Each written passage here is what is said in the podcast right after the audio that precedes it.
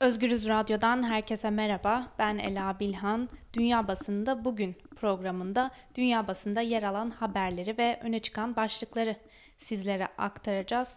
Son iki gündür Yunanistan-Türkiye arasında gerilim azalıyor gibi başlıklar görmeye başlamıştık.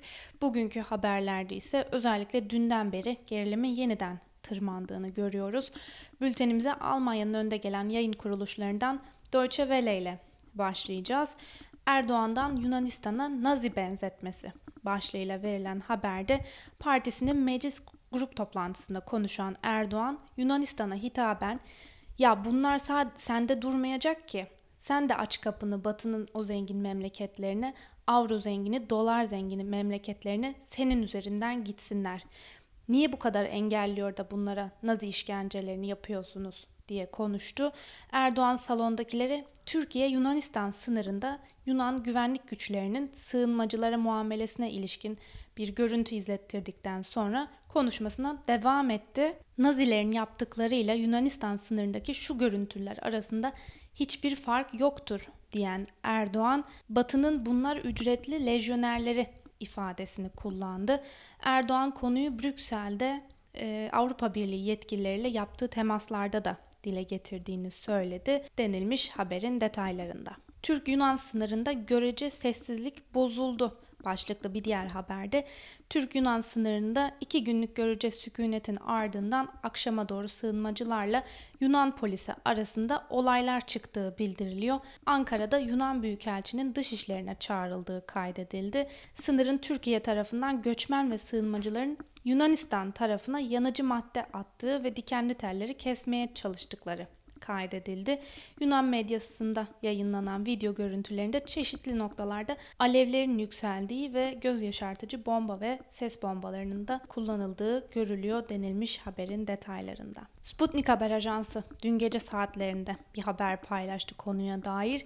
Yunanistan'ın Ankara Büyükelçisi Christos Diamesis e, Dışişleri Bakanlığı'na çağrıldı başlıklı haberde diplomatik kaynaklardan edinilen bilgiye göre Büyükelçi Diamesis'ten Yunanistan'ın Türk karasuları ihlallerine son vermesi, kara sınırındaki birimlerini uyarması ve Rodos ile Midille'de sığınmacıların insani durumlarına dair habercilik faaliyetlerinde bulunan gazetecilerin gözaltına alınmasına son vermesi istendi.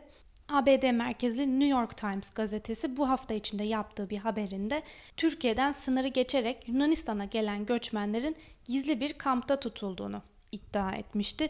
Dışişleri Bakanı Mevlüt Çavuşoğlu New York Times'ta yer alan bu habere atıfta bulunarak Yunanistan Dışişleri Bakanı Nikos Dendias'a sığınmacıların durumunu hatırlattı. Bakan Çavuşoğlu Twitter'dan Yunan mevkidaşı Dendias'ı etiketleyerek New York Times'ta Yunanlıların sığınmacılar için gizli yeri hayvanlar gibiyiz başlığıyla yer alan haberi paylaştı ve mevkidaşına bu haberi gördün mü sorusunu yöneltti. Yunanistan hükümet sözcüsü Stelios Petsas ise dün düzenlediği haftalık basın toplantısında New York Times gazetesindeki iddiaları yalanladı denilmiş haberin devamında. Yunanistan ile Türkiye arasındaki gerilim bu kadar yükselmişken Kısaca bir de e, Yunan medyasının konuya dair verdiği haberlere göz atalım. Çünkü öbür tarafta Yunan Katimerini gazetesi çarşamba öğle saatlerinde iki Türk F-16 savaş uçağının Meriç Nehri üzerinde Yunan hava sahasına girerek alçak uçuş yaptığını bildirdi. Gazetenin Yunan Genelkurmay kaynaklarını dayandırdığı haberde F-16 Türk F-16'larının sadece birkaç yüz metre irtifada uçtuğu iddia edildi. Gazete olayla ilgili olarak iki günlük sükunetin ardından Türkiye gerilimi yeniden tırmandırmak istedi yorumunu yaptı. Çarşamba sabah saatlerinde İstanköy adası açıklarında Türk sahil güvenlik teknesinin bir Yunan hücum botuna önden hafifçe çarparak korkuluklarında hasara neden olduğu bildirilmişti. Olayda yaralanan olmadı denilmiş haberin detaylarında. Yine Yunan basınından Greek City Times gazetesi de gerilimi gündemine taşımış. Haberin detaylarına baktığımızda Türkiye Cumhurbaşkanı Recep Tayyip Erdoğan'ın Suriye'deki saldırgan girişimin kendisi için utanç verici bir başarısızlıkla sonuçlanmasının ardından hayal kırıklığına uğrayan Erdoğan, Yunanistan'a karşı on binlerce yasa dışı göçmeni serbest bıraktı denilmiş. Erdoğan'ın dış politika stratejisini büyük ölçüde neo-Osmanlıcılık arzusu ve kendi para biriminden duyduğu rahatsızlık belirlediği için eskiden beri düşman olarak tanımladığı Yunanistan'a karşı böyle bir hamle yapmış olması şaşırtmadı denilmiş. Gazete aynı zamanda özellikle İngilizce'de haber paylaşan Türk medyasının kasıtlı olarak sahte fotoğraf ve yalan haberler yayınladığını iddia ediyor. Haberin devamında TRT World Yunan askerlerinin yasa dışı göçmenleri kıyafetlerini, cep telefonlarını ve paralarını aldığını ve onları soyduklarını iddia eden fotoğraflar yayınladı. Sorun ne mi? TRT World tarafından yayınlanmayan diğer fotoğraflarda aynı yasa dışı göçmenlerin propaganda fotoğrafları çekmeye hazır bir kameralı telefonun önünde durdukları ve başka bir fotoğrafta ise soyuldukları iddia edilen göçmenlerin ceplerinde cep telefonlarının olduğu açıkça görülüyor denilmiş haberin devamında. Peki dünya bu gerilimi ve Erdoğan'ın Nazi benzetmesini nasıl gördü ve hangi başlıklarla verdi? Kısaca ona da göz atalım. Guardian'la başlayalım. Guardian, Türkiye Erdoğan'ın Nazi benzetmesiyle Yunanistan'la düşmanlığı arttırdı başlıklı haberde Recep Tayyip Erdoğan iki ülkenin kara sınırında toplanan insanlara yönelik istismarların İkinci Dünya Savaşı sırasında Hitler birliklerinin kullandığı taktiklerle karşılaştırılabilir olduğunu iddia etti. Guardian'daki haberde iki NATO müttefiki olmalarına karşın Yunanistan ve Türkiye'nin 1967'den bu yana 5 kez savaşın eşiğine geldiği hatırlatılıyor. İki ülkenin son dönemde özellikle Doğu Akdeniz'deki hidrokarbon arama faaliyetleri ve mülteciler konularında karşı karşıya geldikleri belirtiliyor haberde. Erdoğan partisinin meclis grubunda yaptığı açıklamada Yunan kuvvetlerinin en az 4 kişiyi öldürdüğü ve bin civarında yaraladığı kanıtlanmamış iddiaları tekrarlayarak sınırın açık kalacağını da sözlerine ekledi denilmiş haberin devamında. Fransa'dan France 24 aynı konuyu gündemine sınırı açık tutacağını söyleyen Erdoğan Yunanlıları Nazilerle karşılaştırdı başlığıyla taşımış. Katar merkezli Arap haber kanalı El Cezire Erdoğan Yunanistan'ın mültecilere Nazi işkencesi yapmakla suçladı başlığıyla öne çıkmış. The Telegraph, Türkiye Cumhurbaşkanı gizli göçmen kampının ortaya çıkmasından sonra Yunanistan'ı Nazilere benzetti başlığıyla öne çıkmış. Times of Israel ise Erdoğan Yunanistan'ın sınırındaki eylemlerini Nazilere benzetti başlığıyla aynı konuyu gündemine getirmiş. Bu gerilimin yankıları sürecektir. Biz ilerleyen günlerde bültenlerimizde size konuyla ilgili gelişmeleri aktarmaya devam edeceğiz. Ancak şimdi bültenimize dünyanın gündemindeki koronavirüs ile ilgili gelişmelerle devam edeceğiz. Dünya Sağlık Örgütü'nden dün akşam saatlerinde bir açıklama gelmişti. Koronavirüsün yayılma hızı ve etkilerinin alarm verici düzeyde olduğu belirtilerek COVID-19'un pandemi olarak sınıflandırılabileceğini söylediler. E, pandemi uluslararası yayılma gösteren ve bulaşıcılığı yüksek, kontrol edilemeyen salgın hastalık anlamına geliyor. Bu açıklamanın ardından birçok ülke yeniden harekete geçti ve bu sefer daha sert önlemler almaya başladılar diyebiliriz. Rus basınından Sputnik Haber Ajansı'nda koronavirüse dair paylaşılan haber başlıklarıyla başlayalım. Slovakya'da koronavirüs nedeniyle ülke genelinde OHAL ilan edildi. Danimarka'da koronavirüs vaka sayısı 514'e çıktı. İtalya Başbakanı Giuseppe Conte yeni tip koronavirüs salgını nedeniyle ülke genelindeki eczaneler ve gıda tedarikçileri hariç tüm mağazaların kapatılması yönünde talimat verdi. İtalya'da yeni tip koronavirüsten ölenlerin sayısı 196 kişi artarak toplam 827'ye yükseldi. Fransa'da son 24 saatte yeni tip koronavirüs nedeniyle 15 kişi daha hayatını kaybetti.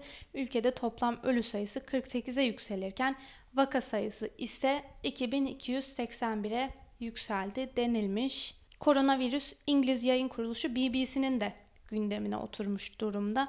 Trump virüsle mücadele kapsamında Avrupa'dan ABD'ye seyahatleri 30 gün boyunca askıya aldı başlığını vermiş. İngiliz Times gazetesi futbolun kriz planı başlıklı haberinde İngiltere'de hükümetinin koronavirüsle mücadele kapsamında ülkedeki tüm futbol maçlarının seyircisiz oynanmasını planladığını belirtmiş. Amerikan basınından Washington Post, Washington'da OHAL ilan edildi başlığıyla öne çıkmış. Çin basınından Global Times gazetesi ise Pekin deniz aşırı ülkelerden gelenler için transfer merkezi kurdu başlıklı haberinde. Koronavirüs olmayan ülkelerden ve bölgelerden de Pekin'e seyahat eden insanların da 14 günlük karantinaya girmeleri gerektiğini yazdı. Bu daha önce İtalya, İran ve Güney Kore gibi ülkelerden gelen yolcular için daha önce de uygulanan bir düzenlemeden genişletilmiş bir politika denilmiş haberin devamında. Al Arabiya televizyonunun internet sitesinde yer alan Suudi Arabistan seyahatleri yasakladı başlıklı haberde Suudi Arabistan'ın AB ülkeleri dahil 39 ülkeden ülkeye seyahatleri yasakladığını duyurdu. Koronavirüse bağlı olarak yaşanan sağlık krizinin yanı sıra virüsün etkisiyle geçtiğimiz cuma gününden bu yana bir petrol krizi sürüyor. Pazartesi gününden beri bültenimizde bu konuya aslında yer veriyoruz. Kısaca ne olmuştu? Tekrar hatırlayalım. 6 Mart'ta toplanan OPEC toplantısında Suudi Arabistan özellikle koronavirüsün etkisiyle daralan talepten etkilenmemek için petrol üretimini azaltma önerisinde bulunmuştu. Ancak Rusya bu öneriyi desteklemedi. Suudi Arabistan bu fırsattan hareketle petrol üretimini arttıracağını ve fiyatları düşüreceğini duyurdu. Alınan bu kararlar dünya petrol fiyatlarının çökmesine yol açtı. O günden bu yana Suudi Arabistan'dan, Rusya'dan ve ABD'den farklı farklı açıklamalar geldi.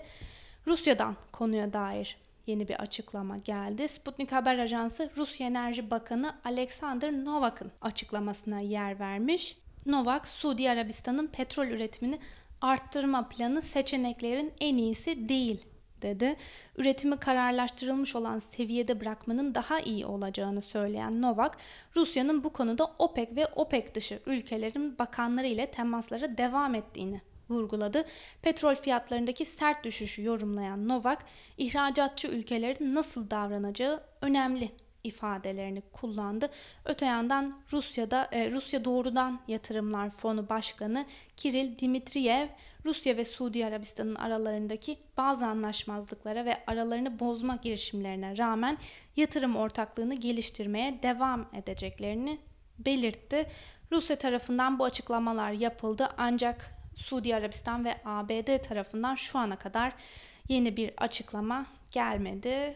Independent'tan dün gece paylaşılan e, bir haberi sizlere aktarıp bültenimizi bugünlük burada noktalayacağız. Irak'ta Taci askeri üssüne roketli saldırı 2 ABD askeri ve bir İngiliz öldü başlıklı haberde. ABD öncülüğündeki DAEŞ karşıtı koalisyon sözcüsü Albay Miles Cagins, koalisyon 11 Mart'ta yerel saatle akşam 7.35'te 15 küçük roketin Irak'taki koalisyon kuvvetlerinin bulunduğu Taci kampına atıldığını teyit ediyor ifadesini kullandı. Amerikan medyasına konuşan ABD'li yetkililer 2 ABD askerinin yanı sıra bir İngiliz'in öldüğünü ve 11 kişinin ise yaralandığını açıkladı.